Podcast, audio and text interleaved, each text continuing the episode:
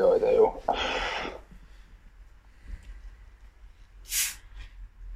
Belehaladszik az, hogy sziccenos. Hát nem úgy kell lecsavarni. Úgy meghoztam Jaj. neked korsót. Azért látszik, hogy idősebb vagy már, és megy a tapasztalatból. Kurva sokat söröztem podcastozás közben. Az a baj, nekem kell elkezdenem. Ez olyan rossz gyakorlásokat csinálni előtte, egy de de de de de de de Beindítsam az, az, be, az elhangzót. Beindítsam az elhangzót. Na jó van, na várjál ilyen vidéki rádiósosan elkezdem, jó? Ismeri dörgést a srác. Nem mondta. Médiában van. Tanultam. Hello, köszöntök mindenkit itt az Artcast podcast első adásában, amiben nem kisebb dologra vállalkoztunk Gergővel és Gyurival, állandó beszélgető társaimmal, mint hogy megpróbáljuk megfejteni vagy feltérképezni Quentin Tarantino munkásságát és stílusát. Itt vannak a legjobb barátai. Gári és Gyuri. És hogy egészen pontosan mire is gondolok, arra vagyok kíváncsi, vagy arra próbálunk rájönni, hogy hogyan képes Tarantino újra és újra megújulni, és hogyan éri el azt, amit nagyon kevés szerzői filmes, vagy egyáltalán filmes mondhat el magáról, hogy egyszerre meg tudja győzni a kritikusokat, és el tudja fogadtatni magával, sőt elnyeri a, a nézők tetszését is. És ami plusz pikantériát ad a dolognak, hogy ezt meg annyi műfajban megtette már, és igazából egyetlen egy műfajban sem ö, bukott el. És akkor szerintem kezdjük el a, a legelején ugye mindennek az alapjával, ami, ami Tarantinot rögtön a, a nagyok színpadára emelte, és ez a 92-es kutyaszorítóban. Mit gondoltok, mi az, amitől ez a film igazán kultikussá vált, és, és eljuttatta Tarantinót oda, ahova mindig is el akart jutni?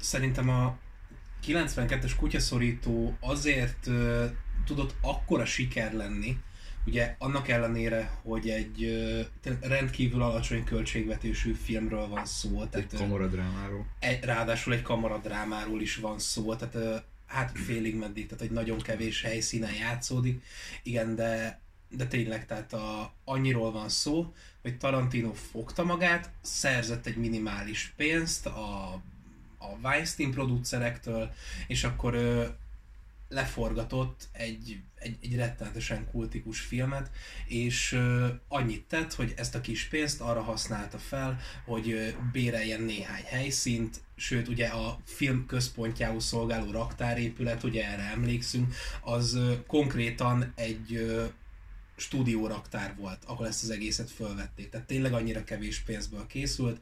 Fogta és a, összeszedte a, akkor éppen kedvenc színészeit, vagy neki kedves színészeket, és ö, forgatott velük egy olyan drámát, ami, ráadásul egy olyan bűnügyi drámát, ami a maga nemében, és szerintem ezért lett közönségsiker, rohadtul egyedi volt. Tehát tényleg arról volt szó, hogyha ezt a filmet mondjuk bármelyik más rendező csinálta volna akkoriban, akkor tényleg az lett volna, hogy a, a gyémántrablást megtervezik, látjuk a gyémántrablást, mint a film csúcspontja, és akkor utána látjuk azt a végső helyzetet, amit egyébként a kutyaszorítóban végén is látunk. Ö, viszont ugye Tarantino csavart egyet ezen az egészen, és ö, ugye ő az író, ő a rendező, tehát ő, ő mindig csak általában csak olyanokat rendez, vagy hát mozira csak olyat rendez, amit ő írt. És az történt, hogy ezt a alapesetben ugye majd, hogy nem már lejáratott sztorit fogta, feldarabolta, és hát ezt, ezt ugye úgy, úgy mondják a, a zsargonban, hogy, hogy moduláris narratívába helyezte, hogy a film végén állnak össze az események, hogy mi miután következik, mi miért történt, és, és ami még fontosabb, hogy nem látjuk a gyémántrablást. Tehát van, van egy olyan feszültség az egész történetben, ami, ami, ami folyamatosan fennáll egészen a film végéig. És szerintem ezért tudott hatalmas siker lenni, mert, mert a maga nevé, nemében ezek miatt egyedi volt. Ugye a feldarabolt narratíva miatt, mint ugye mondtam, a, amiatt, hogy pont a központi element, a gyémánt rablás az, amit nem látunk, és, és az, hogy egyébként tényleg ekkor csillogtotta meg Tarantino az írói tehetségét, hogy, hogy milyen minőségű párbeszédeket tud írni.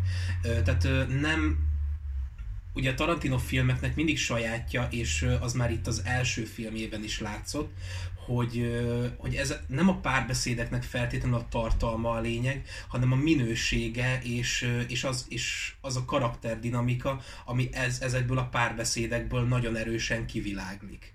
Tehát szerintem ezért lehetett rettenetesen sikeres a kutyaszorítóban.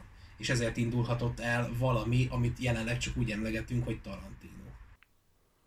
Gergő? Uh, mondom.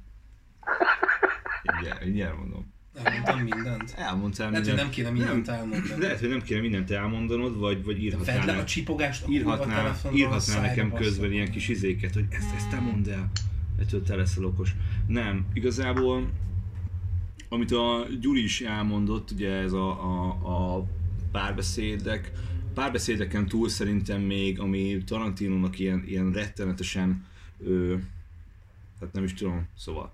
A párbeszédeken, párbeszédeken túl, ami Tarantino kézigye még szerintem, és mm, rendkívül hangsúlyos, és ami szerint ugye az első kérdés az volt, hogy mi, mi miatt tud megújulni Tarantino, szerintem az, hogy a, a történeteket teletűzdeli mini történetekkel, és ezek minden egyes újranézésnél ö, hogy mondjam, tehát így, így fel, felfrissítik magát a sztorit, és, és tök olyan tényleg, mint, egy, mint, amikor, mint a régi Family Guy, hogy megnéztél egy részt, és akkor voltak a bevágások, és akkor ú, ez az a rész, és akkor tele össze-vissza beszél.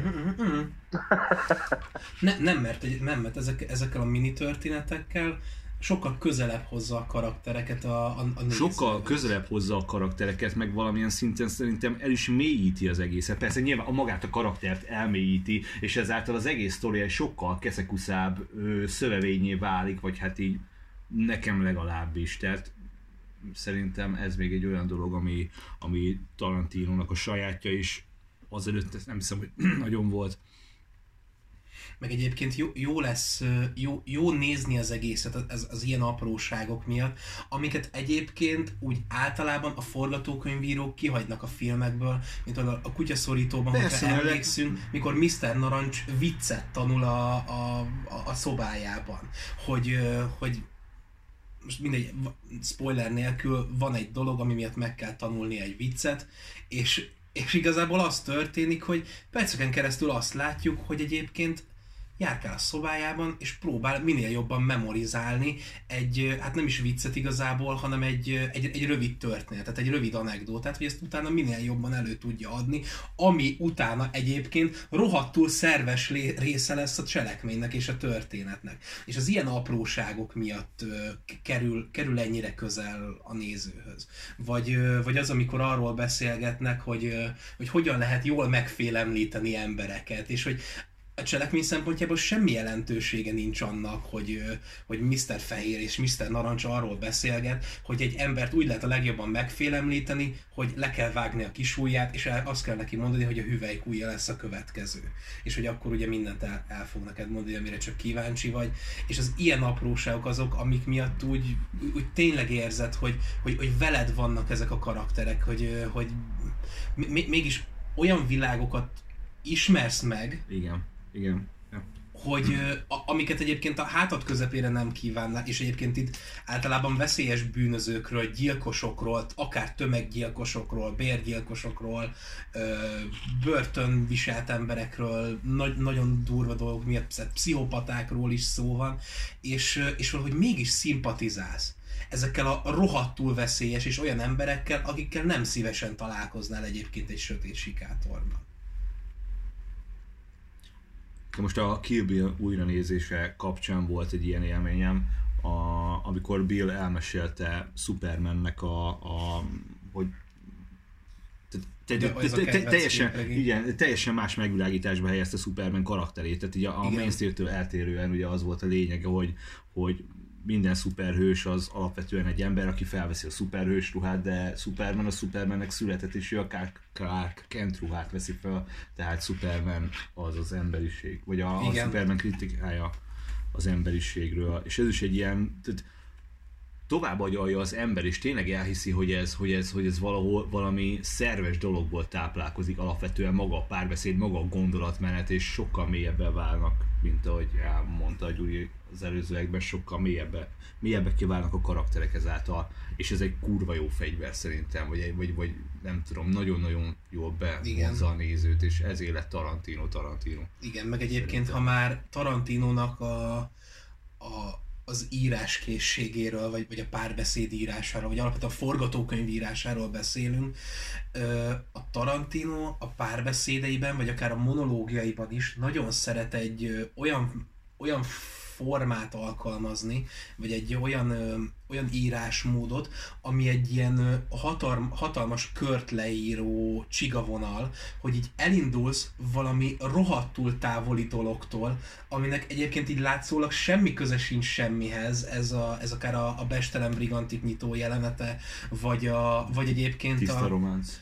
a tiszta románc is, vagy most a, mi ez a, igen, a kutyaszorítóban, ezt meg erről beszélünk, mindegy, vagy a, a kutyaszorítóbannak a nyitó jelenete, hogy egy olyan, tehát látszólag egy ilyen semmi dologról beszélünk, hogy alapvetően tényleg arról szól, hogy hát miről szól a Like a Virgin című szám? Arról szól, hogy van egy csaj, aki imádja a nagy faszokat, és akkor egyszer találkozik egy akkora fasszal, ami, amitől úgy érzi magát, mintha megint szűz lenne. És, és ebből az egész, tehát ilyen látszólag teljesen hétköznapi, vagy nem is tudom, tehát egy hétköznapin túli dialógusból, mert egyébként ne, nem, nem feltétlenül hangzanak el ilyen beszélgetések a hétköznapokban, eljutunk egy olyan pontra, hogy egyébként itt ezek az emberek bűnözők, és ők egyébként most így mennek egy rablásra, és sőt, közben már egyébként karakter, vagy hát karakter bemutatás is történik olyan szempontból, hogy ugye Mr. Narancs és Mr. Fehér viszonya, hogy ők mennyire kezdenek el közeledni egymáshoz, stb. És hogy, és ugye Mr. Narancs egy kicsit tényleg kívül áll ezen az egész körön, ami, ami egyébként ez a bűnözők köre, és és tényleg ez a fajta írásmód, hogy körbe-körbe halad, és egyszer csak elér egy, egy olyan középpontra, ahol, uh, ahol vagy kapsz egy olyan gyomrost, hogy, hogy a faladja a másikat, ugye a Bestelen Brigantikra, hogyha most visszaemlékszünk mi nyitó jelenetre, vagy, uh, vagy akár ugye a Kill is a legelső jelenete, ami egyébként rövid, nem olyan hosszú, de ugye ott is ez van, hogy, hogy tényleg így belecsapunk a lecsóba, de ott is egy ilyen, hát egy ilyen miniatűr csigavonalat leír ez a fajta írás, ahol ugye a film elején kapásból fejbe lövik a, az akkor még mennyasszonyt. Tehát ez, ez, ezért gondolom azt, hogy... És főleg, hogy a Tarantino nem fél ismételni a, a dialógusokban, nem fél a szóismétlésektől, nem fél attól, hogy jaj, úristen, most rendkívül irodalmi módon legyen megírva. Tehát most gondoljunk arra, hogy Marcellus Wallace mit mondott, hogy most akkor el fogsz utazni, és hogyha elutazol, akkor el vagy utazva. Tehát egy ilyet egy filmben leírni, így atya úristen, és, és ez akkora, akkora rock and roll Ettől volt. válik természetesség. Igen, igen, de ez a 90-es évek Kurvára elején a a karakterépítésnek a filmkészítés... része ez is, tehát ez Igen. zseniális. Igen. És ez, és ez a 90-es évek elején ez a fajta filmkészítési mód, ugye, hogy ilyeneket lemersz írni, meg, meg hogy, meg hogy feldarabolod magát ugye az egész történetet, akkor a rock and roll volt, hogy ugye Tarantinót azonnal így, hát csúnya szóval élve a, té- élve a térképre helyezte. És onnantól kezdve ott volt egy Tarantino. Jó, hát az a lemernek írni, ez, ez más, de mert írtak le, kurva jó párbeszédeket írtak, tehát tényleg akkor még. Most már nem mennének leírni, most már mindenki van számítva, izé, Vatikan mérlegen, meg a fasz tudja, de ja, a tény is való, hogy ez a, ennek a két dolognak a kombinációja, ez, ja, ez hatott mind a kritikusokra, mind a nézőkre, és ja, feltűzték Trian, Triantinot, Tarantinot. Milyen trianon Hosszú trianon. Igen, fáj még. fáj. Annyit akartam még mondani, hogy meg ha már rock and roll, akkor alapvetően a zene. hogy Tarantino olyan rohadt nagy hatással voltak, ugye alapvetően a, a kedvenc zenéi, tehát hogy majd szerintem összességében később beszélni fogunk arról, hogy Tarantino mi volt nagyon nagy hatással, ami, ami őt ugye alapvetően inspirálta, vagy de, de, de, de ugye a, a, tehát már a, a kutyaszorítóban is, a, amikor ugye elkezdődik, hogy igen, King Billy 70-es évek szuperslágerei, és, és tényleg ilyen, ilyen, ilyen 70-es évekből összekukázott, vagy nem is az, hogy összekukázott, hanem ilyen nagyon jól válogatott zenékkel dolgozik, és tényleg tehát úgy jó, úgy, úgy, nagyon jól rezonálnak a zenék a magára a filmre. Tehát, hogy nincs nincs az, hogy nem tudom, mit akartam. Azon elfelejtettem. Ez az atmoszféra teremtésnek egy eszköze, nem? Igen, igen. De a zenére szerintem visszatérhetünk még amúgy az aljas 8-asnál, ugye, hogy, mert amúgy az van, hogy hogy Tarantino nem iratott saját magának filmeket, az aljas 8-asig szinte filmzenéket hanem felhasználta ezeket a kedvenc zenéit, és ugye az Aljas 8-asnál is csak azért, mert hogy Ennio Morricone elvállalta a dolgot, és ugye mivel spagetti western, meg western, meg mit tudom én, ezért akkor azt mondta, hogy ja, legyen. Szóval erre visszatérhetünk majd, addig, ha, ha addig kitalálod.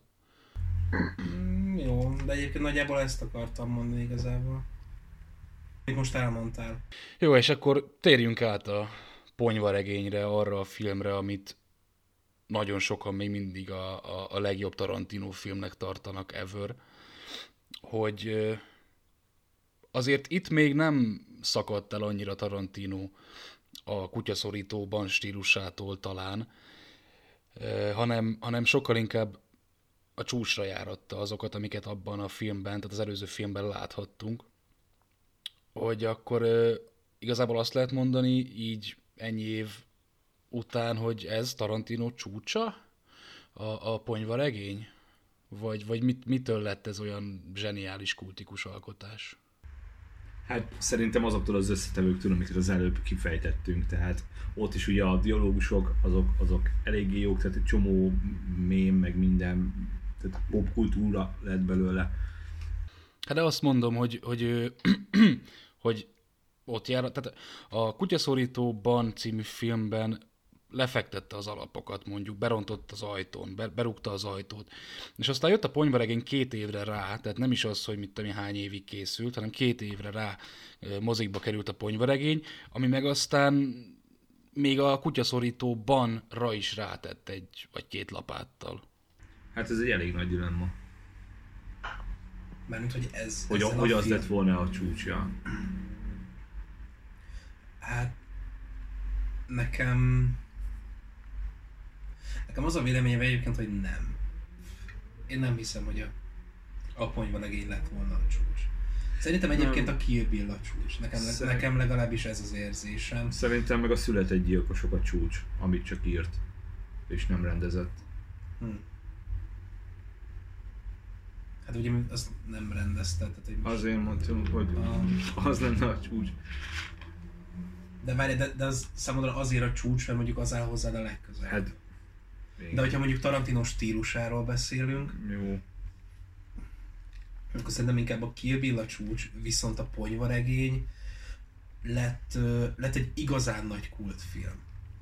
Tehát először, hogy ez megkapta az Oscárt, hogy legjobb eredeti forgatókönyv, és akkor Quentin Tarantino majdnem a rendezésért is elvitte akkor az Oscárt, és hogy, és hogy úristen, úristen a Tarantino mekkora király, és, és szerintem azért, mert ez is még egy szenvedélyfilmje volt a Tarantinónak, egy, egy igazán ilyen kezdeti szenvedélyfilm, ahol nem, nem is tudom, mert egyébként valamilyen szinten minden filmje szenvedélyfilm, mert olyan, olyan szempontból szenvedély, hogy ő azt itt tényleg nagyon szereti, és nagyon akarja, és nagyon, de, de az még ott így, az még ott sokkal jobban saját tehát ott, meg ugye a ponyva regényben elkezdődött például a, a Tarantinónak a saját univerzum építése, hogyha belegondolunk, mert a, a milyen, a kutyaszorítóban milyen vega volt? A, a, a, a Mr. A Mr. Mr. Drap, Mr. Szőke. mindegy, az is valamilyen vega volt, és akkor ugye a, a ponyvaregényben pedig ugye a Vic vega szerepel. De mondjuk ez valószínűleg akkor még nem tűnt föl a, így alapvetően az embereknek, vagy hát nem sok mindenkinek, de Tarantino egyrésztről egy univerzum építésbe kezdett, ami, ami egyébként csak egy nagyon minimálisan megy végig a filmjein, és szerintem egyébként erről az univerzumról nem is érdemes annyira beszélni, mert ez annyira nem, nem fontos, meg, meg nem, nem, nem érdekes az ő szempontjából, de azért mégis egy saját kis univerzumban helyezi a történet, és, és ez egyébként egy ilyen jó gesztus egyrészt. Hmm. Másrészt beszéltünk ugye arról, hogy vannak ilyen nagyon apró kis részletek a Tarantino filmjeiben, amik mondjuk egy, akár egy többedik újranézésre is úgy mondjuk úgy jól esnek, hogy, hogy, hogy ott vannak. Például én egy pár héttel ezelőtt néztem újra a ponyvaregényt, és előtte tehát nyilván nekem is nagy, nagy kedvencem, nagy, nagyon szeretem ezt a filmet, láttam csomószor, de most tűnt fel az, hogy ugye van az a rész, amikor a, a Mia Valasz túladagolja magát. És nekem erre a nézésre esett le az, hogy ő ott egyébként nem csak random túlszívja magát kokóval, hanem ott azért rosszul be, mert rajta van a Vincent Vegának a kabátja, abból kiveszi a heroint, azt hiszi, hogy kokain, és a heroin szívja fel az orrába, és amiatt rosszul be. És ez tehát az benne az érdekes, hogy a Tarantino például a filmet így erre nem helyez, nem helyez hangsúlyt egyáltalán. Tehát nincs az, hogy így érted, hogy úgy lenne ábrázolva, hogy egyébként most figyelj, látod, látod, hogy itt van a heroin? Igen, igen, igen, hogy látod, hogy itt van a heroin, és ez szívja föl a kokai helyet, és emiatt lesz izé nagy baj. Hanem csak úgy ott van, és akkor így, hogyha észreveszed, észreveszed, hmm. hogyha nem veszed, nem veszed. És uh, Például ez, ez, ezek az olyan apróságok, amik egyébként itt tényleg nagyon jól esnek az embernek, amikor egy Tarantino filmet néz. Meg ugye beszéltünk a, a párbeszédekről, beszéltünk ugye az alaphelyzetről, hogy itt is kezdődik úgy a film, hogy mi? Most mi ez? Most komolyan? Tehát, hogy, hogy beszélgetnek emberek, elkezdik kirabolni az éttermet, és egyébként, ja, nem látod az étterem rablást, mert egyébként bejön a főcím, meg, meg, meg, meg, meg fölcsendül Tarantino egyik kedvenc számja, és úristen, mi a fasz van? Nagyon imádnivaló, nagyon imádnivaló az, hogy folyamatosan tart egy ö, olyan feszültséget, hogy van valami, amit te nem tudsz ebben a történetben. Hogy nincs minden a szádba rágva, nincs minden elét téve. Nem, nem te vagy ennek a filmnek az istene, hanem ennek, ezeknek a filmeknek a Tarantino az istene. És a Tarantino meg akar téged túráztatni, és és egyébként föl fogsz ülni erre, mert egyébként közel hoz téged azokkal a dolgokkal magához, és ez a, hát hullámvasútnak nem nevezném, de ehhez a, ez az egész körmenethez, amit egyébként a Tarantino adni akar neked. Ez egy merülés inkább. Vagy merülés, Szerintem. igen, igen egyébként. És ebben áll például a Tarantinónak az írói zsenialitása, és rendezői zsenialitása is.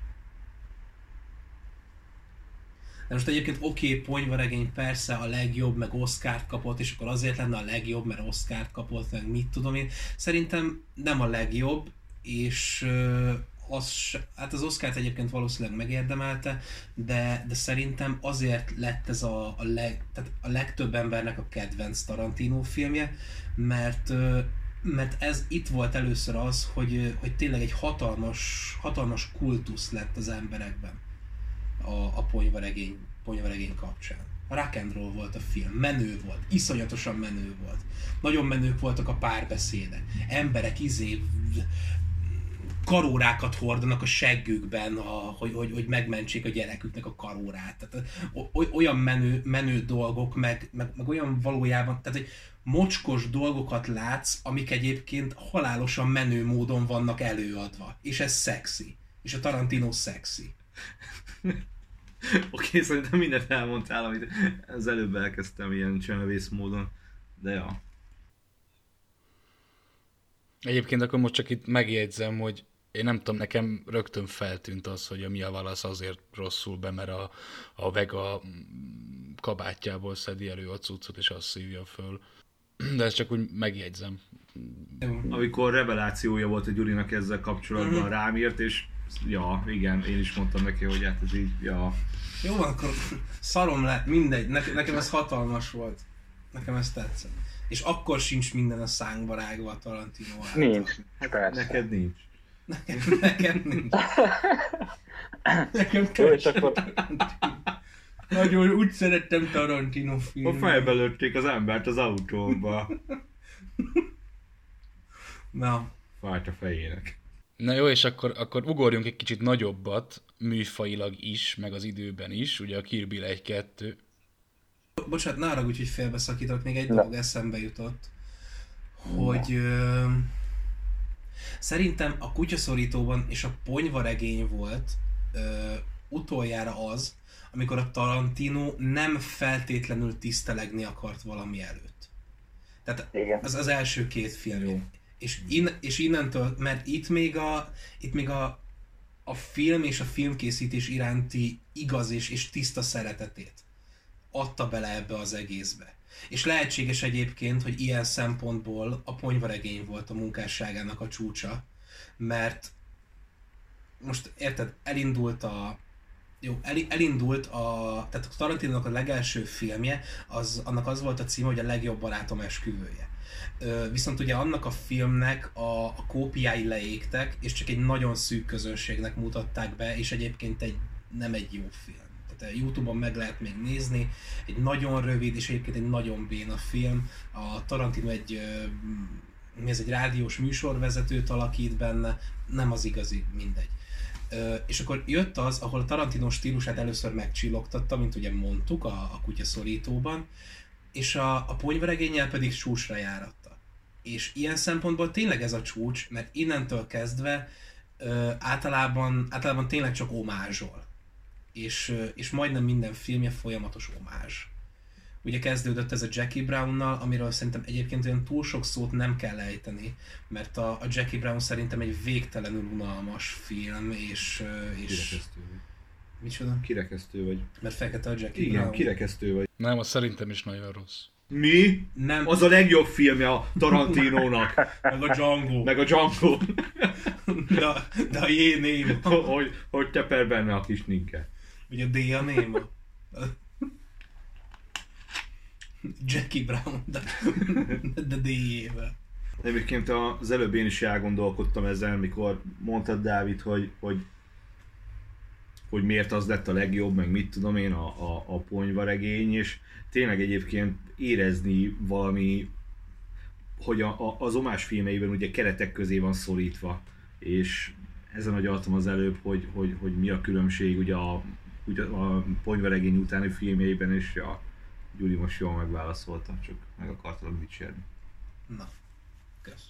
És a Jackie Brownról igazából annyit, hogy egyrésztről végtelenül unalmas, másrésztről pedig a, itt a, ez a, ugye itt kezdett el valójában tényleg omázsolni, és a, tehát a Jackie Brown, hogyha más miatt nem, amiatt fontos, hogy, hogy az omás filmjei elkezdődtek, és, és itt ugye a, a Tarantino nagyon sokat, tehát ő nagyon sok minden befolyásolta. Ő nagyon sokat járt moziba, dolgozott videótékában, nagyon sok tévéfilmet, nagyon sok tévésorozatot nézett, és a, és a Jackie Brownnal azelőtt a, a tévés korszak előtt akart tisztelegni, amin egyébként felnőtt.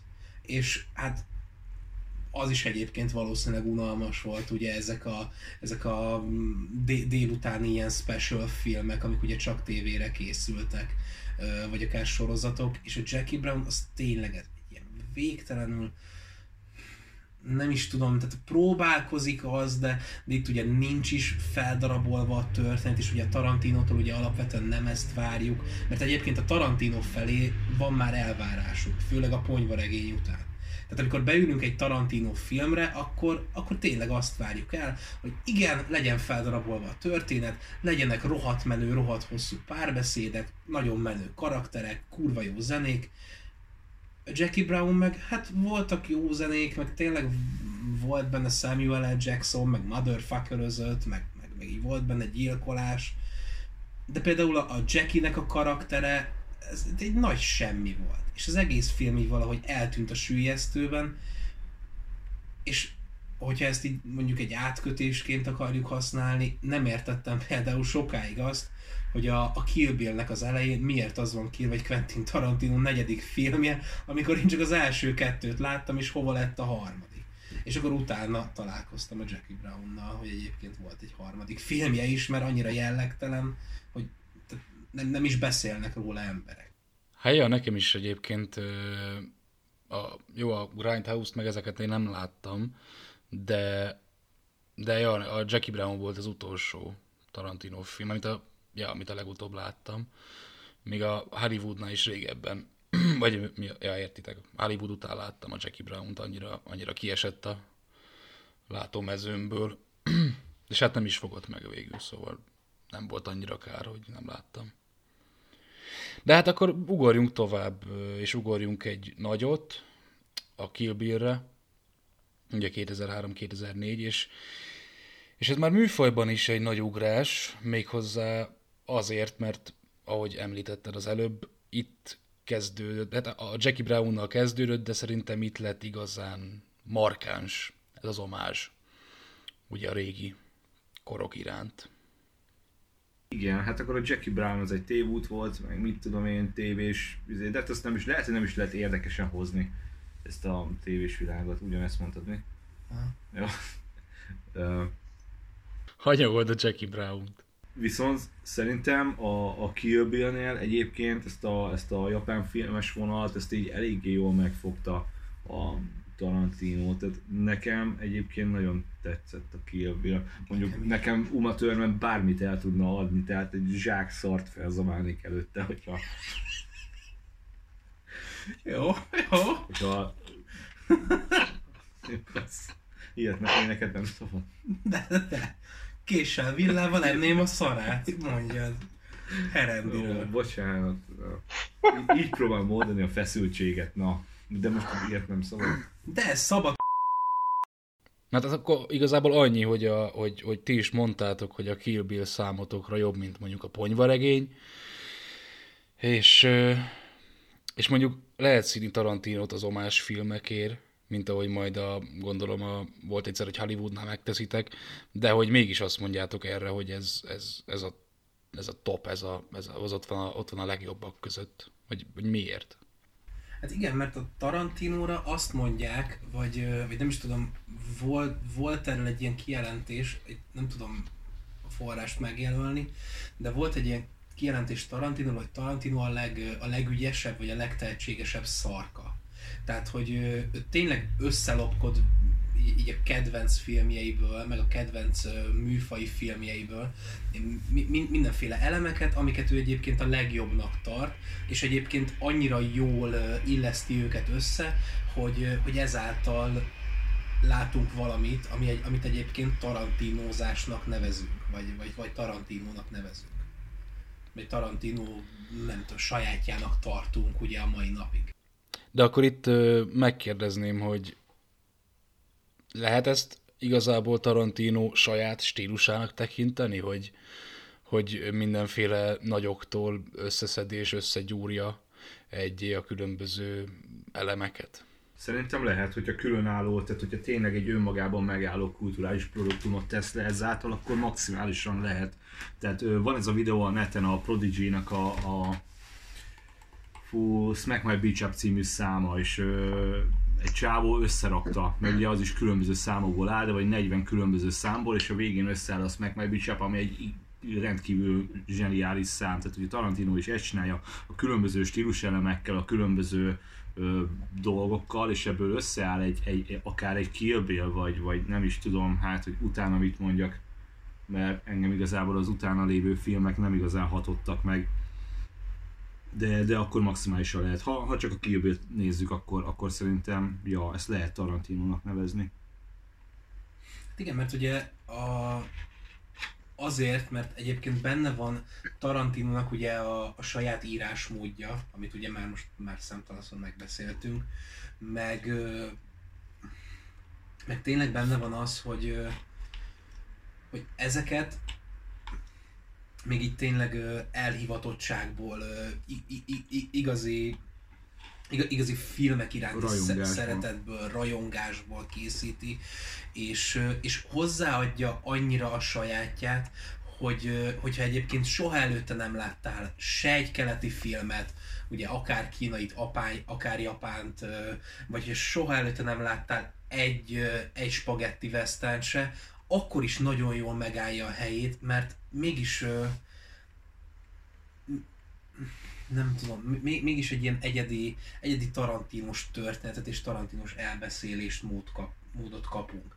Tehát, hogy szerintem nem tudom jól megindokolni, hogy miért beszélhetünk Tarantino saját stílusáról ebben az esetben, hogy, hogy egyáltalán ne, nem válik izzadságszagúvá. És a, és a végtermék az minden esetben, hát nem minden esetben, de a Kill Bill esetében rettenetesen jó. Tehát itt van ez az eposzi méretű történet, és és igazából az, az összelapkodott stíluselemek mind csak, mind csak alátámasztják, és mind csak emelik föl azt, ami, amit egyébként Tarantino szeretne elmesélni, vagy, vagy szeretne átadni úgy alapvetően a nézőnek. Ezért hívhatjuk szerintem Tarantino saját stílusának, még a, még a Kill Bill 1-2-t is, hogy Tarantino stílusban igen, készült. Igen, igen.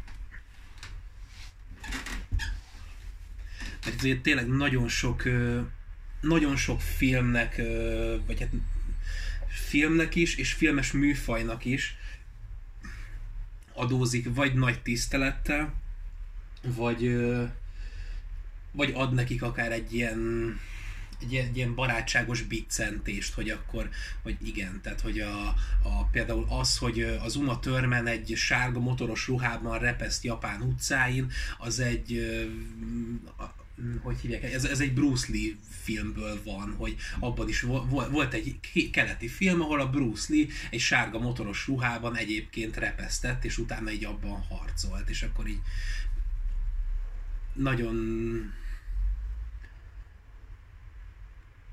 nagyon, nagyon tiszteletteljes és, és nagyon gesztus, nem tudom, gesztus vezérelt az egész. És, és, és egyáltalán, egyáltalán nem inflálja el, egyáltalán nem ö, húzza magára úgymond, hogy az legyen a hangsúlyos, hanem, hanem tényleg mértékkel tartja meg és tölti fel saját tartalommal, szerintem. És, és azzal a saját tartalommal, amit egyébként elkezdett a, a kutyaszorítóval és a ponyvaregénnyel, hogy, hogy tényleg látjuk ezeket az emberközeli karaktereket, látjuk, látjuk ezeket a mocskos világokat, látjuk azt, hogy, hogy milyen szinten romantizálja, vagy, vagy milyen szinten teszi szimpatikussá úgy alapvetően ezeket a világokat, és és ezáltal tényleg annyi, annyira lehet szeretni, annyira, annyira közel áll az emberhez ez. Csak, csak Kill bill a Kill Bill egy rendkívül megosztó film lett például a, a maga korában, amikor ugye kijött.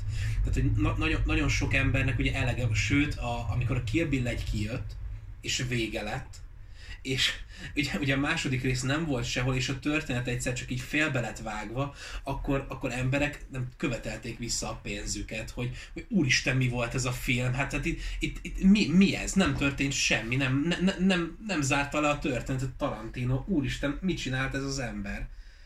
És közben a második film, az pedig a Kill Bill az, az nagyon szépen építkezett, és tényleg azért volt egy ilyen eposzi méretű, mert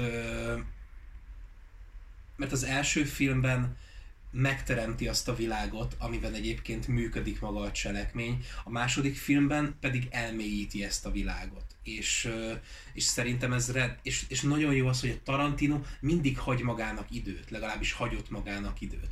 Tehát a Tarantino például soha nem érdekelte az, hogy egy párbeszéd túl sokáig tart, vagy, vagy, vagy túl sokat kell látszólag üres járatban ül, ülni a, a képernyő vagy a vászon előtt.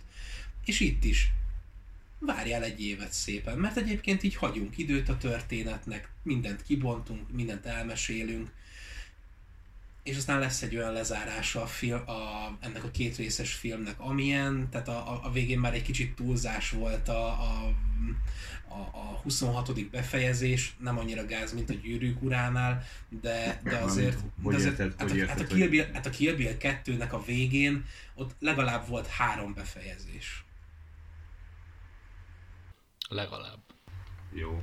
És az, az, az már ott, de, de ez most csak egy filmen belül egy apró nüansz. Tehát itt most nem a stílusáról van szó, hanem az, hogy akik mondjuk ezt nem szerették, azt érthető, hogy miért nem szerették, de mégiscsak egy akkori ilyen, ilyen Shakespeare-i léptékű történet van elmesélve, hogy, hogy a végén úgy, úgy tényleg elégedett vagy.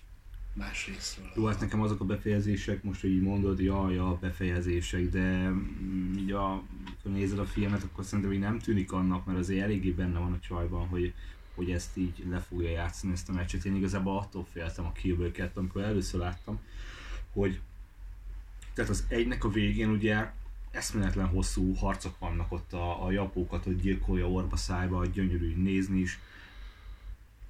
És attól féltem, hogy hogyha egy ilyen, egy ilyen minibosszal ekkora harcot vív, akkor majd a végén Bill-lel mekkora harcot fog vinni. Uramisten, és én, én a tehát én a, én a Star Wars, Star Wars harci jelentet is végig aludtam a moziban, tehát engem az ilyen egyáltalán nem tud lenyűgözni. Ha szépen van koreografálva, akkor is egy időn túl már, már, már időhúzás, és így inkább mit tudom én, elkezdek youtubeozni közben, viszont a, a bill való harc az meg, az meg rendkívül gyorsan le lett zárva, és annyira zseniális módon, hogy, hogy eltolta, eltolta a párbeszéd, ott a izé, megbeszélték a dolgokat, akármi, és így pak le lett zárva, és ilyen feloldozást kapott a néző, vagy nem tudom, én nézőként úgy éreztem, hogy, hogy itt Hát i- nem, nem igen, lettem igen. megcsalva. De, de, de, pontosan ez az, hogy ne a, az igazán a, a, a Tarantinónál főleg a, ez a kutyaszorítóban volt ilyen, és, és utána a Kill Bill-ben, hogy a, hogy amikor ugye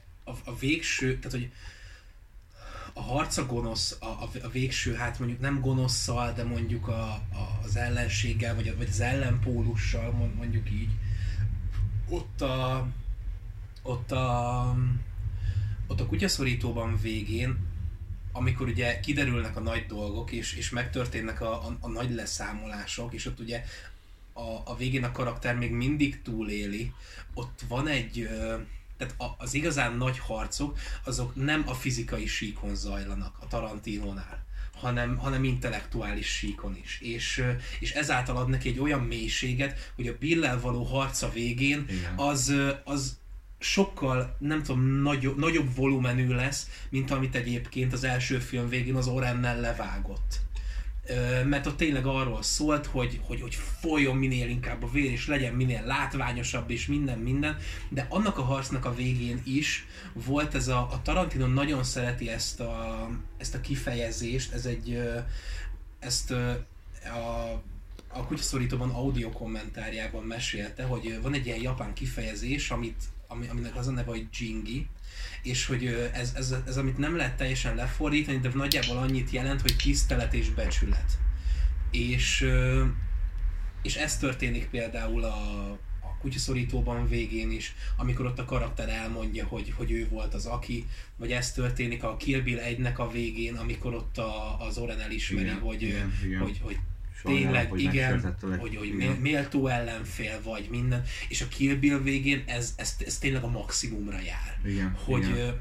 A, igen, igen, az, az, az ott csodálatos. Az, az, tehát, tehát annyira, annyira, annyira esztétikus. Megfogják és, egymás kezét, bla bla bla. Igen, tehát ott az, és, és nem, csak, nem csak vizuálisan esztétikus, Persze, hanem is. tényleg rohadtul mély az egész. Igen. És, és, és annyira van, van egy ilyen valóság az egészben, és a, és a végén, amikor, a, amikor az Uma Thurman ö, fekszik a földön, és ott, ott itt tényleg tör ki belőle ez az ilyen, ez az ilyen ez, amit itt te is ismersz, ez az izgatott, ilyen, ilyen, ilyen elégedett nevetés, hogy, hogy úristen, tehát olyan, va, va, valami olyan... Most re- csak a java. Igen, hogy valami olyan reveláció, amit, amit tényleg csak egy, csak egy kétrészes, kétrészes nagy eposszal lehetett igen, átadni. Igen. És, és szerintem egyébként ez, ezért a legnagyobb csoda a Kill Bill, amit egyébként a Tarantino valaha papírra meg filmvászonra vetett. Omás szintjén. Omás szintjén is, meg egyébként hát igen, tehát az omás filmjeiben, de alapvetően az összes filmje közül is szerintem. Mi jött a Kill Bill után? A halálbiztos. Uh, jó, de az, az is egy ilyen omás film, de ez azért Azt nagyon, te... nagyon így... Igen, de, de, igen, de a halálbiztos az, az teljes mértékben, tehát az alapvetően az omásra épült, tehát a, ez, igen, a, igen. Ez, ez a Rodriguezzel, ez a, ez, ez, ez a közös grindhouse szerelem, és egyébként Szerintem csak egy ilyen home movie-t akart for, forgatni, és így kikerült valahogy így a mozikba. Olyasmi egyébként, igen, igen, igen, hogy, hogy tényleg van egy rendező haverod, akivel így, így kurvára így, Üljünk össze a egy húron hétvégén. vagytok, ja, ja, ja. és akkor toljunk valami filmet igazából, és akkor mit szerettünk? Hát szerettük a Grindhouse Jó, mozit, igen, hogy így de, de ebből kiindulva szerintem ennek nem is szabad felróni ezt. Tehát Nem. a, a halálbiztosnak nem, A, nem ha, rónám a, a halálbiztosnak igazából tehát a halálbiztos nem szeretik, és a Tarantino rajongók se nagyon szeretik bevallani, hogy ez egy Tarantino film, meg nem is nagyon szeretnek beszélni róla, mert tényleg hát most igazából Jó, de az nem is volt olyan nagy volumenű, mint mit Nem, tudom én, a nem, nem, Django, persze, meg persze. a Pestelen Brigantik, meg akármi. Tehát igen, az, ezért az mondom, tényleg csak egy ilyen szerelem Ezért mondom, hogy volt. ért, érted, ez, ez olyan, mintha otthon, otthon írsz egy novellát, aztán berakod a fiókba, aztán jön valaki, hadd olvassam már és leszarozza, így ember, de nem azért csinálta. Ne, nekem ez, ez ilyen feeling, tehát nyilván moziba járt, bla bla bla bla, bla, bla, de akkor is ez, ez, ez, szerintem egy ilyen, egy ilyen szerelem gyerek. Igen. Egy ilyen szerelem omázs volt Ja, az ja, egész, ja. és tényleg Tarantino szerette ezeket a Grindhouse autós filmeket, ő úgy döntött, hogy ezt csinálja. Rodriguez meg úgy döntött, hogy szerette ezeket a iszonyat trash horrorokat És milyen jól döntött egyébként, És milyen jól döntött, igen. zseniális. A, a, a, terrorbolygó az, az, az egy csoda. A, és egyébként én nagyon szerettem a, a halálbiztost is. Tehát ezt nagyon-nagyon sokat néztem. Teljesen megértem, hogy, hogy miért lehet rá kiakadni, ugye, hogy a film kétszer előadja ugyanazt egymás után. Jó, persze. Jó volt benne a tánc. De, de, de hát a tánc, meg, a, meg közben a, az autós jelenetek, az, az, tehát az páratlan, az tadítani kellene, igen. és tényleg, tehát az, az zseniális, meg, meg Kurt Russell egy, tehát a, a, akkora jelenléte van annak a csávónak, hogy abban a filmben, hogy, hogy az, tényleg, az, szer, szerintem, meg alapvetően szer- szerintem a Grindhouse is egy csoda, meg amit a, a Tarantino és a Rodriguez le, levágtak ebben az egész omás témában, az is egy csoda. Főleg a terrorbolygó. Főleg a terrorból. Dávid. Jaj. Közben elaludtam. Már el is mozgatod. Bocs, hogy unalmasak vagyunk. Akartam mondani valamit, de aztán... Ja nem, fölírtam magamnak a végére, jó van. A Kill kapcsolatban közben egyébként az is eszembe jutott, hogy nem, vagy hát ezt már lehet, hogy mondtam is, hogy a, nem csak a, a keleti filmek felé biztosít egyfél, egyfajta ilyen, nem is az, hogy biztosít, nem. Tehát a Kill kapcsolatban még az is eszembe jutott, hogy nem csak a keleti filmeket omázsolja folyamatosan, ezeket a, ezeket a go- gonggal kezdődő ilyen nagy, nagy harcolós, mindenféle kungfus bosszú filmeket, hanem egyébként a, a spaghetti western felé is ugye itt, itt kezdődött el a, az látszani, hogy Tarantino szereti alapvetően a, a ezeket a mi- mindenféle ilyen, ilyen italo westerneket, ugye ma- magával ezzel a párbaj helyzettel, ami egyébként a Kill Bill-ben is nagyon sokszor kialakul, azzal a formanyelvvel, amit egyébként a spaghetti westernekből lopott, és, vagy hát nem is az, hogy lopott, hát kölcsön vett, mondjuk mind, mindegy, tehát amit a spaghetti westernekből lop, hogy hogy folyamatosan ezek a, ezek a nagyon kiélezett párbajok, ezek a ezek, a, az, az úgy megvágott, úgy színezett, úgy felvett jelenetek, hogy így folyamatosan, folyamatosan tényleg ez a fajta ilyen mocskos western, mocskos western helyzet legyen legyen a De a középpontban. japán filmek ezt nem, nem így adják elő? A japán filmek nem ennyire mocskosak, Aha. mert a, mert a spaghetti westernnek, ugye, ugye a, ezek, amiket olasz rendezők készítettek, ugye speciálisan, nagyon sajátja volt az, az a, alapból az amerikai westernekhez képest, hogy nem voltak idealizálva a hősök. Ah, nem, igen. ne, ne, nem voltak a régebbi simán amerikai westernekben az, hogy hogy, hogy mit tudom én, a, hogy, hogy izzadnak a karakterek, meg, meg, hogy, meg hogy a szalmában basszák, Jó, meg a értem. Clau- Claudia Cardinálét, meg ilyenek. Tehát, hogy, Bárcsak. hanem hogy, hogy té- té- tényleg ilyen nagyon hősies volt, hogy a cowboyok és a polgárháború és a, és, és a háború és az egyenruha és a nem tudom, meg a sheriff, sheriff ugye mint a nagy tekintély, itt pedig minden mocskos volt, minden ember közeli volt. Akár a akár a jó, a rossz és a csúf, vagy a volt egyszer egy vagy nyugat, amit egyébként így mindenki szeret felhozni és imád, és egyébként teljes joggal, mert, mert tényleg a, a, például a jó, a jó, a rossz és a csúf az az a film, amit egyébként a közönség is, a kritikusok is, a filmesztétek is, mindenki az egekig tud emelni, és egyébként teljes joggal. és a, hogyha Tarant, a Tarantino is nagyon szereti ezeket, és nagyon sokat átvesz a filmjeibe. Például a, gondoljunk csak a Kill Bill 2-re, ahol a párbajozik a, a, a félszemű csajjal, most nem fog eszembe jutni a Daryl Hannah-nak a karaktere, és az Eldriver, és ott az is tehát megvan benne az a keleti, az a keleti filmes rész, hogy, hogy, hogy van ez a zene, és a pirossal közelítünk a szemére, és a mit tudom én, de közben tényleg arról szól az egész, hogy a sivatagban, a kozban, a mocsokban, a húgyban szana szét ö, ver, verjük és, és, és, és gyalázzuk egymást, és a Kill ezek megjelennek. Nem csak, nem csak ezzel, hanem még csomó példát fel lehetne hozni. És, és ez a fajta westernes omázsolása megjelenik egyébként egy, hát valamilyen, egy minimálisan a Bestelenberg Brigantikban is, ami, ami inkább egy ilyen alternatív háborús kémfilmnek nevezhető, de, de ott is megvannak ezek a, ezek a folyamatos párbaj részek, ezek az intellektuális síkon zajló ilyen kiélezett western párbajok, de valahogy a Brigantik az, az csak egy ilyen kis kitérő a Tarantino stílusában és a Tarantino életművében. Tehát van a Brigantik, ami egyébként egy olyan háborús, alternatív háborús kémfilm, amit egyébként a Tarantino, Tarantino sított magának, és így elmesélt. És ennél szerintem sokkal fontosabb az, hogy, hogy a, nagyon, tehát a Tarantino mindig is szeretett volna spagetti western rendezni. És, és ugye ezt a Django-val kezdte el. És a, és a Django volt tényleg az, ami, ami egyébként Tarantinónak az első olyan filmje volt, ami nem csak omázs ugye a, a stílusok és a műfajok iránt, hanem ténylegesen egy adott műfajon belül kezdett el dolgozni. Na hát igen, és, és, és nem csak a Django ugye az, amiben, amiben végül kiteljesedhetett Tarantino ezen fajta vágya, hogy, hogy Spaghetti western rendezzen, hanem ugye 15-ben megrendezte a saját maga elmondása szerint 8. filmjét, az Aljas 8-ast, ami szintén Spaghetti Western, de a két film igazából csak ebben hasonlít, mert egyébként nagyon-nagyon különbözőek.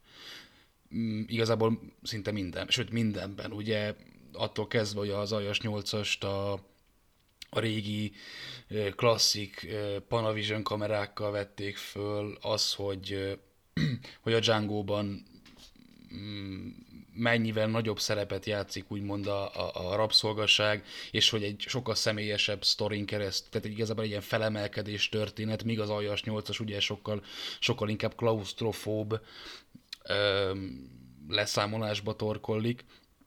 Szóval ö, ezt a kettőt így lehetne egy kalap alá venni, de az talán egy kicsit tévútra vezetne, szóval próbáljuk meg egy picit szétszedni a két filmet.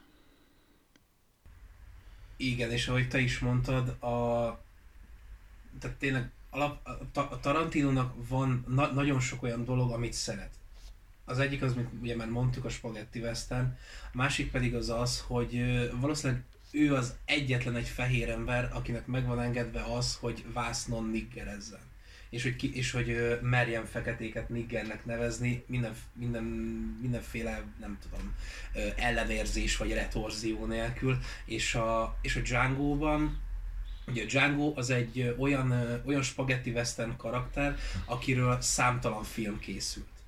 És ö, egyrésztről a Django karakteren csavart egyet a Tarantino, mert ugye a régi spaghetti westernekben a Django az egy ilyen kívülálló, ilyen rendszeren kívüli, tehát még a még a westernes, westernes törvényen kívüliekhez képest is egy nagyon kívülálló karakter volt, és, és olyan szinten csavart ezen egyet, hogy a, a Django elszabadulban is egy ilyen rendkívül távolról, rendkívül kívülről érkező karakterről beszélünk, aki egyébként a halált hozza el mindenkire, aki, akivel csak összefut. Viszont egy olyan narratívában, amit egyébként a, az amerikai filmművészet nagyon, nagyon ritkán tárgyalt.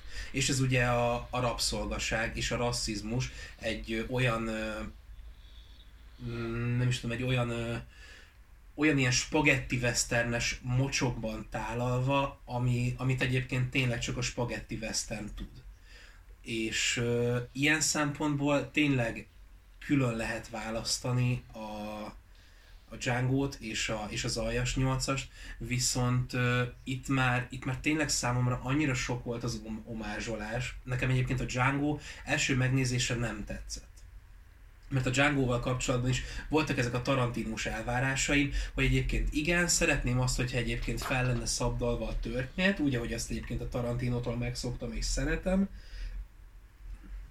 meg egyébként ö, szeretném azt, hogyha nem, ne, nem lenne ennyire unalmas, meg ennyire lassú a film, hogy, mert ugye amikor ugye egyenes ágon van elmesélve ez a történet, akkor tényleg egy kicsit unalmas és lassúnak tűnik. Ö, és nem, nem éreztem azt a fajta feszültséget a Django-ban, amit egyébként ugye Tarantinótól elvárok. Amit az Aljas 8-asban egyébként éreztem, mert ott tényleg ott van az a, az a, váratlan, az a váratlan feszültség, ami bármelyik pillanatban lecsaphat, hogy ott tényleg van valami, amit nem tudsz, és, és, és, és, és bármikor, bármikor a hátadra ugorhat. A Django viszont szerintem túl, túl egyértelmű volt. Másodjára ugye nyilván tetszett, mert akkor már így felfogtuk azt, vagy így felfogtam, hogy igen, ez rassz kérdésről szól, igen, de de közben szerintem itt már tényleg csak arról szól Tarantinónak a művészete, hogy, vagy hát igazából a filmkészítése, hogy, hogy folyamatosan omázsol. És szerintem ez már itt sok volt. Gergő?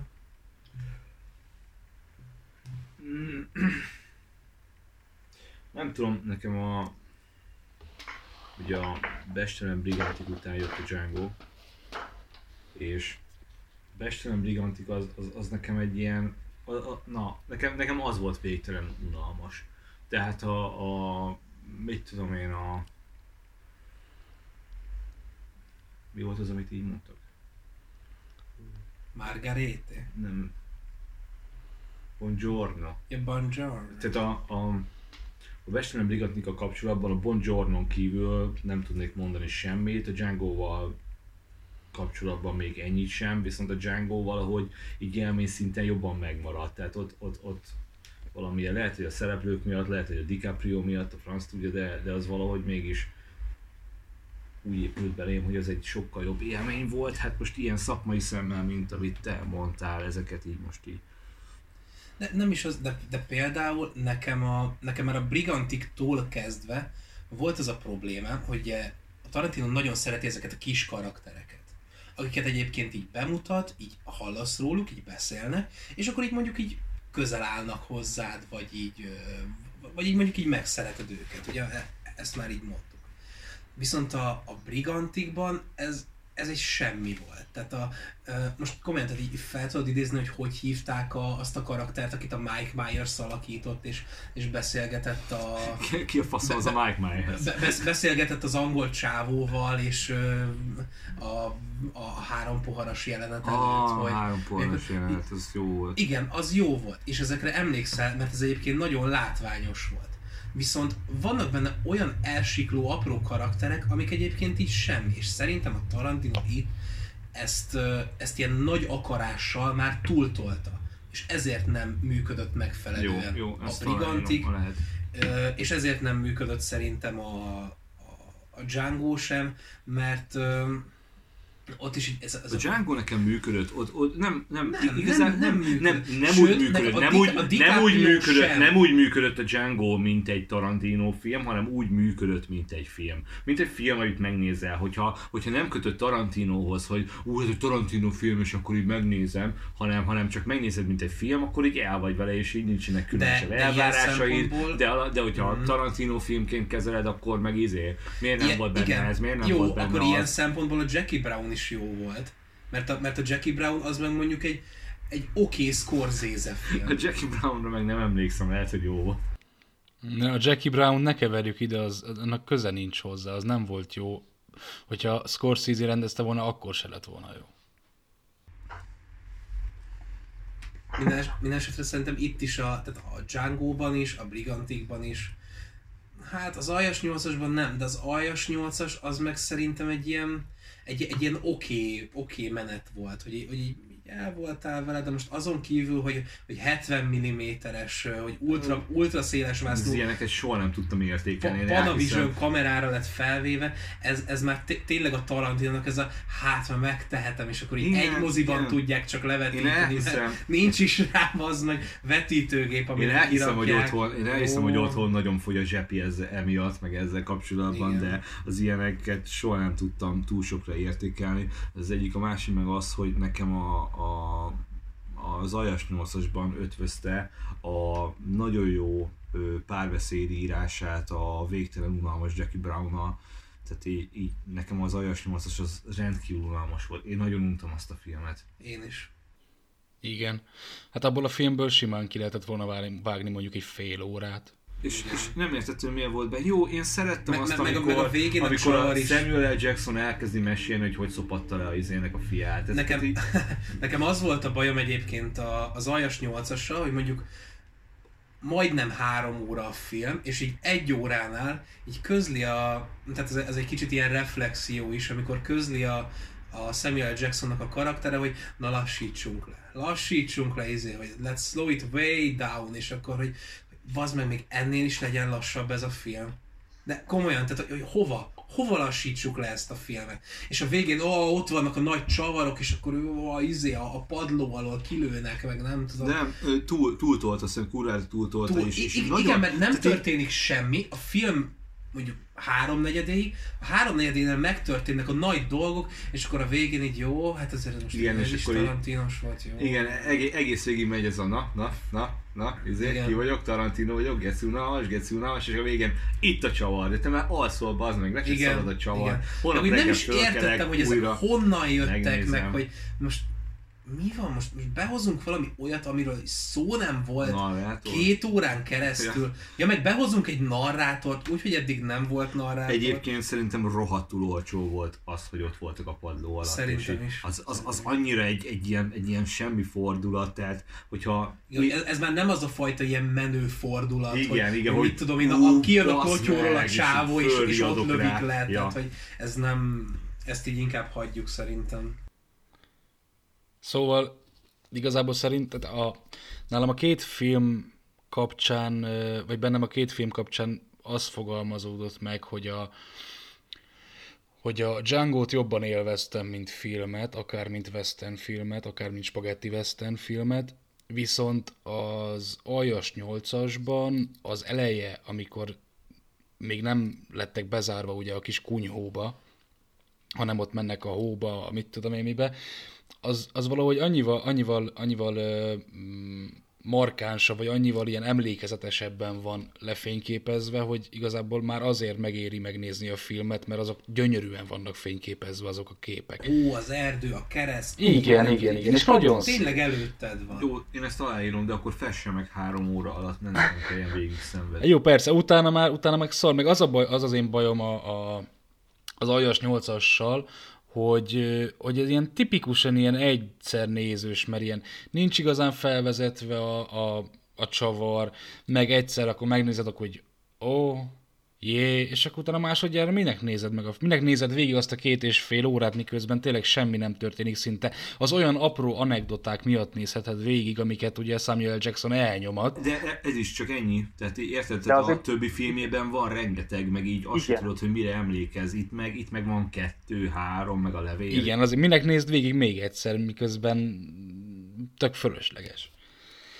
Na mindegy, ö Hát mondjuk egy igazából... színészi alakítás miatt, tehát a, a Samuel L. Jacksonnal a, a, a végén, amikor a, nem fog eszembe jutni a színésznek a neve, de az például, ott, az, az a színész fantasztikusan alakít, és, és ez, nem, tehát tényleg voltak jók, de például nem tudom megérteni, és soha nem fogom, hogy a kutyaszorítóban óta a Michael Madsen Tarantino színészének tartják de a Michael Madsen nem tud elmondani két mondatot, mert olyan szinten izé torok rák, hogy, hogy konkrétan nem tud beszélni a csávó. De kurva jó hangja van amúgy. Hát kurva jó, de így most, tehát, így, így, érted, tehát az, az, az, az aljas nyolcasban van két mondata, azért nem tud elmondani többet. Tehát egyébként bírom a csávót, meg menő ez a hang, de hát így...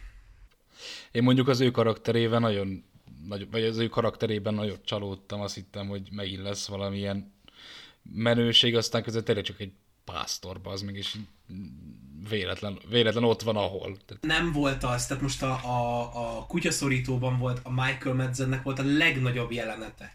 A, amikor ott így nekiáll táncolgatni, mert egy yeah, rohadt yeah. pszichopata állat, és egyébként abban a jelenetben Tarantinónak megvan az a, az a fajta az a fajta csodája, és abban a jelenetben megvan a Tarantinónak az az eszenciája, hogy, hogy, hogy több, több valóságsíkot kezel egyszerre. És szereti, szereti a nézőt mondjuk a, a szörnyű valóságból kimozdítani, ö, valami jobba, valami idillibe, és utána visszahelyezni ebbe a szörnyű valóságba.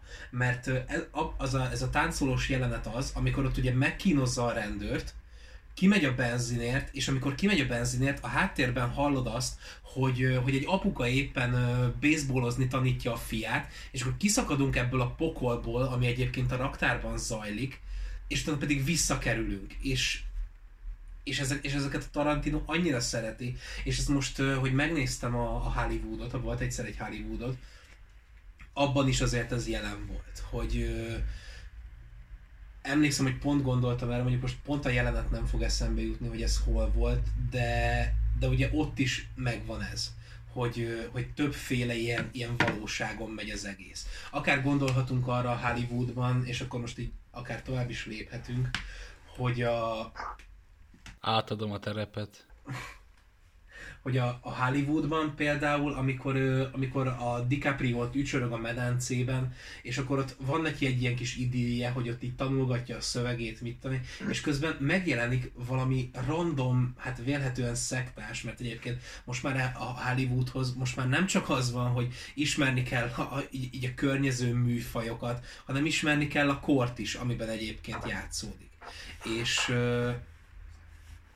és és a Hollywood, a volt egyszer egy Hollywood, az szerintem már tényleg az a film, ahol Tarantino annyira annyira csak magának csinál filmet, annyira nem, nem tudok már ezzel nézőként én személy szerint azonosulni, hogy hogy nagyon sajnálom, így közönségként nem értek benne minden utalást. Nem, nem vagyok amerikai, nem az a kultúrkör vagyok, nem, tehát hogyha nem oké, tehát egy mű, műveltségből így lehet tudni, de például a Charles Manson féle szekta, ez így, tehát hogyha e, ezzel így nem vagy képben, akkor a film vége az így majd, hogy nem, nem is értelmezhető. Hogy ez most így honnan jött, mi a franc van, alapvetően, hogy akkor most a Roman Polanski az kicsoda, vagy hogy egyébként mi köze volt a Charles Mansonhoz, és meg, meg a, a Hollywoodban szerintem egyszerűen csak Tarantino megpróbál Tarantinósan Hollywoodkodni, Hollywoodnak Hollywoodról. Tehát én, én rettenetesen öncélúnak éreztem, a volt egyszer egy Hollywoodot, és ez volt az első olyan Tarantino film, mondjuk ezt még nem néztem újra, lehet, hogy másodjára ez is olyan lenne, mint a Django, hogyha nem, vagy hogyha másodjára nézem, akkor tetszik, de, de volt egyszer egy Hollywood, rendesen nem tetszett. És egyébként azért nem tetszett leginkább, mert a, mert a Tarantino féle párbeszéd írásból egy grommot nem láttunk ebben a filmben. De elverték Bruce Lee.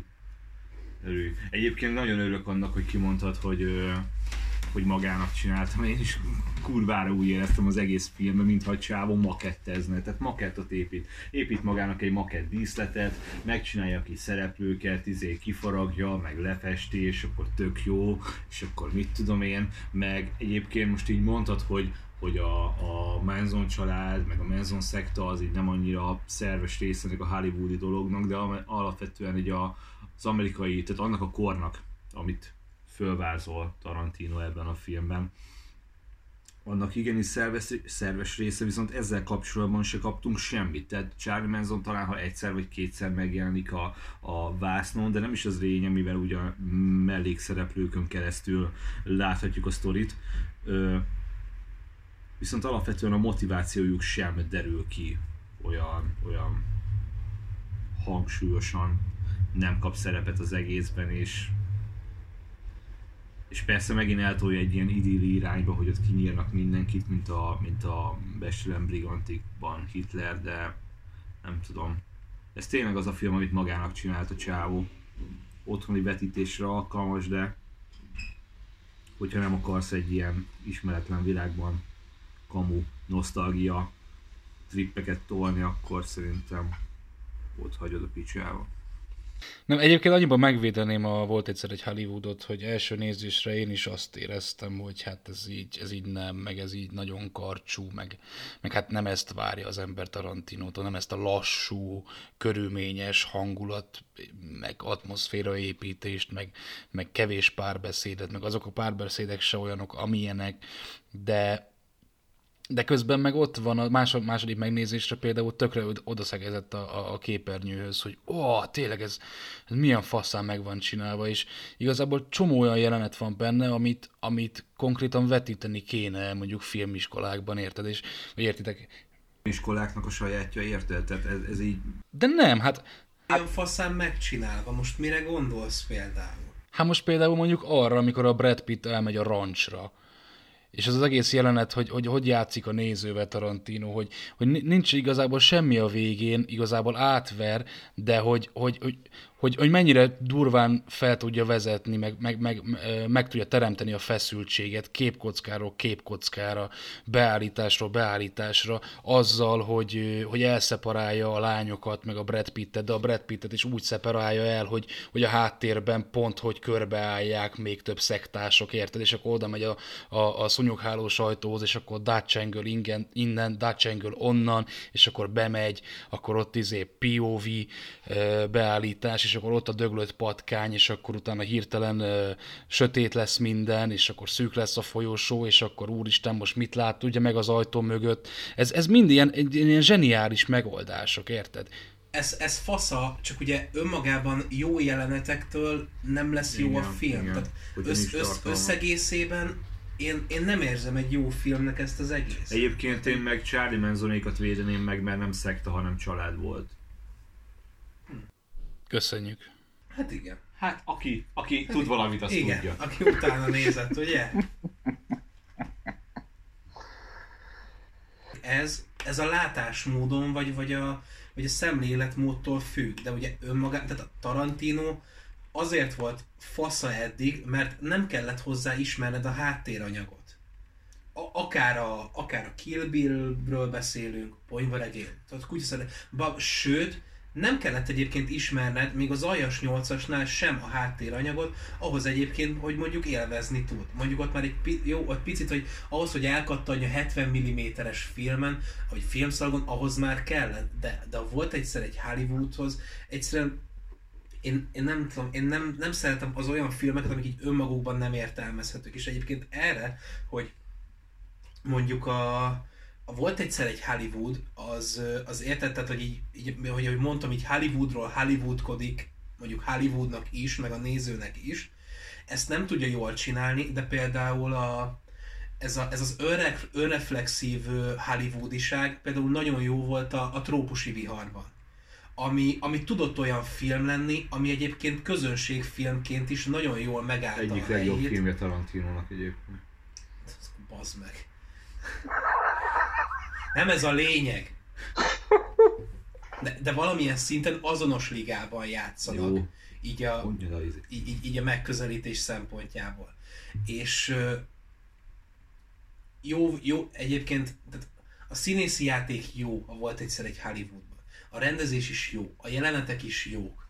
Az írás azt mondom, hogy hát az okénál egyel gyengébb, mert például nem nagyon tudtam hova tenni, hogy minek kell Al Pacino, amikor az a karakter így majd, hogy nem semmit nem ad hozzá. Tehát, jó, egyébként hozzáad persze, mert ő, ő, ő az elején, aki bejön és előre Ő indukál mindent. És igen, igen, oké, oké, de nem, nekem nem áll össze a film. Tehát részleteiben jó, de összegészében nem. E, e, nekem ennyi a Hollywood. Mondta Dávid, hogy, hogy olyan jelenetek vannak benne, amiket filmiskolában kéne tanítani, és hogy ö, mit tudom én, amikor bemegy az öreghez, és kelti a feszültséget, hogy az hogy átveri a nézőt, de most az, az az, az egy jó, jó dolog, amikor öncélúan veri át a nézőt, amikor jó, veri át a nézőt, de amikor nincs tartalma, tehát nincs súlya, nincs ö, semmi a mögött, hogy átverte, mert Hát de végül is, hogyha megnézed, akkor volt végül is tartalma, mert ugye ott a végén összeveri a, a, a családtagot, és akkor a végén ugye, na mindegy. De nem hiszem, hogy ez, hogy ez hozzáadna bármit is. Hát, hogy ez bármilyen szinten is a, a Szerintem sztori. azért- Jó, hát lett egy jó bunyós, lett, egy jó nyers bunyós jelenet, ami tényleg király volt, meg ott, meg ott tényleg Hát meg ott- tudtál, tudtál drukkolni, meg előrevetítette a izét, ugye a végén a nagy harcokat, hogy ott még jobban ezért el fogja picsázni őket, vagy el fogják picsázni őket, de ezen kívül olyan, olyan súlyos lenyomatot így, így nem hagyott az egész. Persze Nem, hát nyilván az egész, azt tényleg meg kell hagyni, hogy zseniálisak voltak ott a, a, a, a fényképezés, meg mit tudom én, ahogy történt, meg ahogy keltette a feszültséget. Hogy tud bunyózni, elveri ízét Jackie chan az is jó. jó persze, csak ez ad hozzá egy pluszt. Jó, de én azt szerettem Tarantinóban, mint amit az elején is felvázoltunk, hogy ő a párbeszédeken keresztül ad pluszt. Szerintem, nem hogyha más rendező, akkor hogyha más rendezőre, más rendezte volna, akkor nem mondanak róla semmit, mert, mert igazából nem Ez egy lenne. I- igen, igen, tehát nem, nem, ez az egyik. A másik meg az, hogy nem hiszem, hogy akkor, akkor olyan hangsúlyt kapott, vagy olyan izét kapott volna, hype-ot kapott volna, hogy, hogy izé, mert ez igazából, nem tudom. Én végiguntam. De én már öreg vagyok, tehát Na jó, hát igazából akkor elmondhatjuk, hogy amit itt az előbb, az előzőekben felvázoltunk, az igazából ha be akarjuk vallani, vagy be akarjuk ismerni, hanem mind ide vezetett.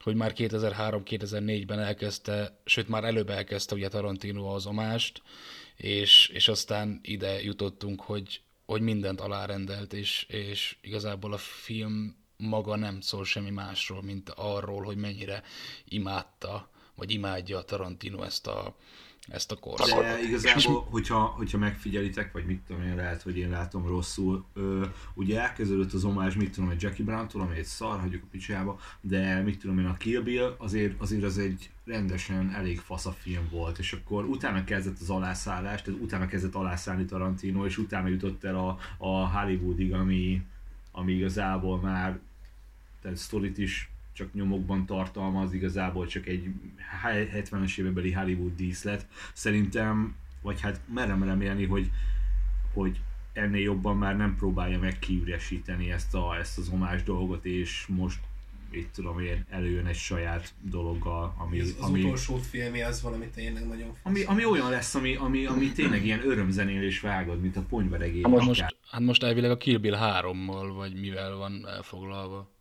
Mm. De, de, de, de most ez egy, egyébként csak ilyen plegykák, hogy most a Kill Bill 3 az, az így kb.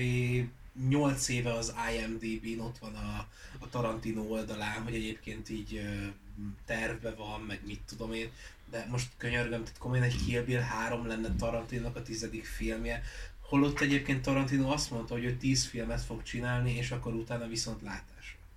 Tehát nem, én nem reménykedek egy Kill Bill 3-ban, én abban reménykedek, hogy Tarantino végre rendez egy jó horrort, de ez, ez csak az én, ezek csak az én dolgaim. Én imád. Tehát Tarantino sok mindent rendezett már, horrort még nem. És ugye a Hollywoodban ott van, hogy mennyire ért a feszültségkeltéshez, szóval. Igen. Igen, tehát, tehát hogyha más nem, akkor reménykedem abban, hogy, hogy a Hollywoodból ez a jelenet az egy jó indikátor arra, hogy, hogy Tarantino csinál majd egy nagyon durva pszichohorrort vagy pszichotrillert. Én ebben reménykedem évek óta is. Ennek én is örülnék. Igen. Na mindegy, tehát akkor értékeljük, vagy foglaljuk össze, hogy, hogy mire jutottunk Tarantino kapcsán. Mitől jó Tarantino, mitől, mitől tud újra és újra megújulni, foglaljuk össze egy picit. Nem tudom, hogy egyébként meg tud-e újulni újra és újra. Meg Szerintem... tudott, meg tudott újulni újra és újra. Hát szerintem, csak, hogy ez mennyire szerint, ö, szerintem, hogyha azokat a dolgokat csinálná, amit a kutyaszorítóban van csinált, amiket a ponyvaregényben csinált, meg amit még a kívülben is felfedezhetők, ugye ez a, ez a zseniális párbeszédírás, ahogy mondtad, ez a körkörös ö, történet történetben, metanarratíva, nem tudom, hogy miket mondok, de hogyha, tehát ezek, ezek szerintem maximálisan alkalmasak a, a megújulásra.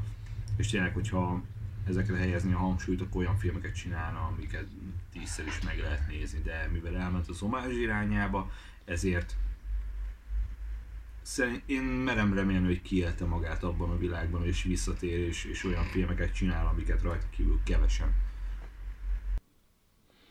Akkor itt be, benyögnék most egy olyat, hogy mondhatjuk azt, hogy Tarantino filmjei attól lesznek igazán jók, hogy érti és szereti azt a műfajt, amiben éppen alkot. Ugyanakkor a lopások és az omázs mindezt el tudja billenteni egy, egy, egy negatív irányba. Tehát, hogy már túl, túl, túl, túl szereti. Túl szereti. Akkor billennek el abba az irányba, hogy a, hogy, hogy unalmas a Jackie Brown, szara volt egyszer egy Vagy már túlzott a rajongás, és emiatt nem látja, hogy, hogy, hogy mi is Igen. történik. Hát ez, ezt mondtam, hogy, hogy túlon túl szereti, hogy azért. és a filmek a filmekben végül, hogy a filmek elfelejtenek végül filmek lenni, és csak, és csak nagy omázsok maradnak. És az omázs tartalom nélkül nem érvény.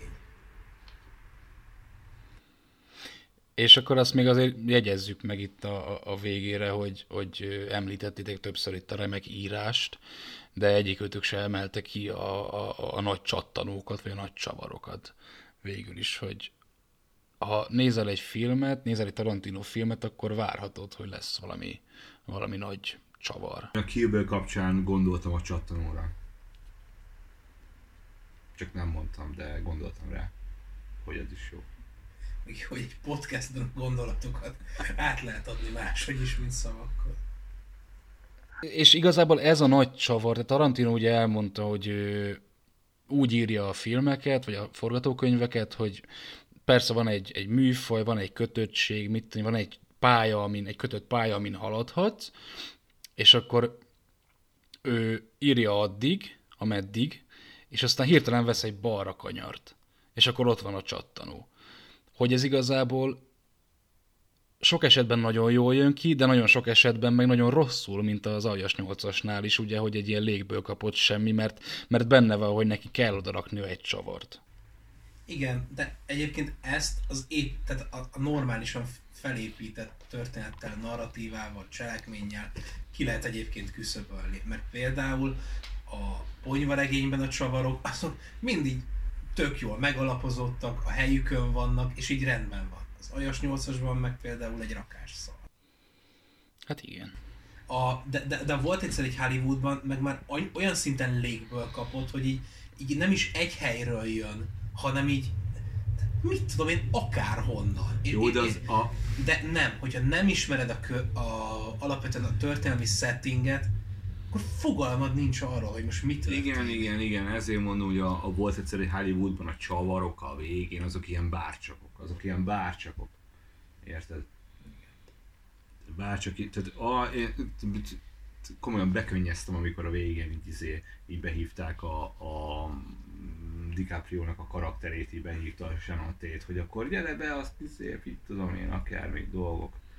De közben azért látszik a Hollywoodban is, hogy Tarantinóban azért még ott nagyon sok van. Tehát Persze, amikor, amikor, amikor a kislányjal összehaverkodik a, a DiCaprio karaktere a Hollywoodban, ott a forgatáson, az, az, az ott egy csoda. Igen, És, igen, és az, tényleg az, az, zseniális, az, az, nagyon hogy, zseni. hogy tehát, és, és ezek azok a dolgok, amik egyébként a Tarantino, hogy emberközeli, Igen, jók igen, a igen, párbeszédek, és, és, és tényleg legyen mélysége, legyen apró, és legyen mély. Ez a, ta- e- ez a Tarantino. És, és a Tarantinónak ugye mindig azok voltak a nagy csavarjai, hogy, hogy, hogy kicsi, emberközeli, mély, és utána nagyon hirtelen fölviszi a hangsúlyt. Ugye most a, most a Brigantik nyitó jelenetére, hogyha gondolsz, hogy, hogy beszélnek, beszélnek, hogy, Az mennyire jó. hogy ne, nem, nem, nem arra gondoltam, hanem hogy, hogy mi, milyen medve zsidó, hagyjál már. Hogy, hogy be, beszélgetnek arról, hogy, hogy Dávidnak hogy, szabad zsidózni. igen, hát igen. Neki szab. Mi? Érthető okok miatt. Ö, Micsoda? Nem, azt mondtam, hogy mennyire jó. Mi ez zsidó? Te vagy a zsidó. ilyen, Na, nem mond. úgy értem, hogy azt mondtad, hogy medve zsidó, mert ilyen Azt is van. mondom. Nem. Azt mondom. Azt mondtam, hogy mennyire jó. Mennyire jó. Az a jelenet. Igen, igen, mert beszélgetnek a tejről, így, így az ember mossa az arcát, nem, nem tudom, beszélgetnek arról, hogy egyébként mi a nácizmus, mik a zsidók, és akkor hi, egy, nagyon hirtelen megy föl a hangsúly, hogy egyébként, ja, amúgy így kiírtunk így 22 embert, tehát hogy igen. Nem, És mennyire jó meg van csinálva. Én e- Igen. ezt szeretem, tehát alapvetően Tarantino ö, filmjénél, tehát ez is szerintem elvárás, hogy legyenek ilyen, ilyen pontok. Tehát, hogy, hogy nem tudod, hogy, hogy mi az, ami most véletlen történik, mi az, ami most direkt, mi az, ami, ami fél mondat el van eresztve, hogy ebből majd történik valami, és ö, alapvetően már, már maga Tarantinónak a személy, ami körbe a filmet, már kelti a feszültséget. Tehát én most a, a Kill Bill újranézése során ö, újfent meglepődtem azon, mikor a, mikor a végén Uma Thurman belép Billhez, és, és ott van a kislány, és így, és így ó, oh, anyád, várj, én erre nem emlékeztem, húha, húha, húha, mi lesz itt, és így, és így, és így kurvára a feszültséggel teli az egész, és kurvára szívszaggató, és kurvára, tehát nem tudod, hogy most akkor, most akkor te most így, így, így, így sírjál, és így elszomorodjál, vagy legyél tele gyűlölettel, mert hogy, mert hogy ez mennyire egy rohadt álszent, és egy rohadt izé manipulátor a Bill, és akkor izé, mi történik. Tehát nem tudom, hogy mivel kapcsolatban fogadtam ki ez. Hát a, a, a, az, hogy, az, hogy mennyire jó, hogy, hogy, hogy jól csinálja a Tarantino a- ezeket a dolgokat, és hogy mennyire jó az, hogy tényleg mindenre van idő. igen, Hogy a Kill Bill végén igen, van igen, arra idő, igen. hogy mondjuk meg, Igen. me, megnézzen egy filmet a... kislánya. Az- az zseni- az Uma Thurman, a kislánya. zseniális. És, és, és, és így legyen egy, egy, egy valós családi idill ott így hirtelen. És nem hiszed el, hogy egyébként egy olyan filmben, ahol egyébként így e- emberek levágott vagy 200 embert meg, fe, meg feje helyéről sp- spriccel a vér, mint, mint, mint, egy, mint egy zuhanyból. Szegény így csúszik ki a saját vérén, mert le van vágva a karja, és így nem, nem, te maradjál, te várjál még. Igen. És, és hogy ez egy ilyen univerzumban van erre is idő. Ezért szeretjük a Tarantino. Igen. És reméljük, hogy ezért szerethetjük is még a jövőben. Egy nyomorú. Vagy, Ezt most muszáj volt az meg oda rakni. egy akkora csicska vagy az. Édes. Úristen! Remélem az Oscar-t is megnyeri. De akkor egy aljageci vagy prolifa. Még Hallottam, hogy nagyon próbálkoztatok itt a végszóval. Jézusom. Igen, olyanok vagyunk, mint a Tarantino a Kill Bill 2 végén, hogy egy 8 Igen, befejezésen meg hat- 600-szor 600-szor abba abba kell. kell. Igen, mi is már abba vagytuk egy párszor. Jaj. Na jó, köszi szépen, hogy meghallgattátok. Jövünk legközelebb is. Sziasztok! Mindegyiknek ilyen szarul lesz vége. Mi van, ez kurva jó volt. Kedvenc rendszerem. Én nagyon szeretem. Nem, úgy, úgy ilyen röhögőset kell bevágni a végére, ez jó? Támogass Patreonon. Na, lezárhatom amúgy? Le. Ah, nem megyek húgyozni. 1 óra 53 a nyers.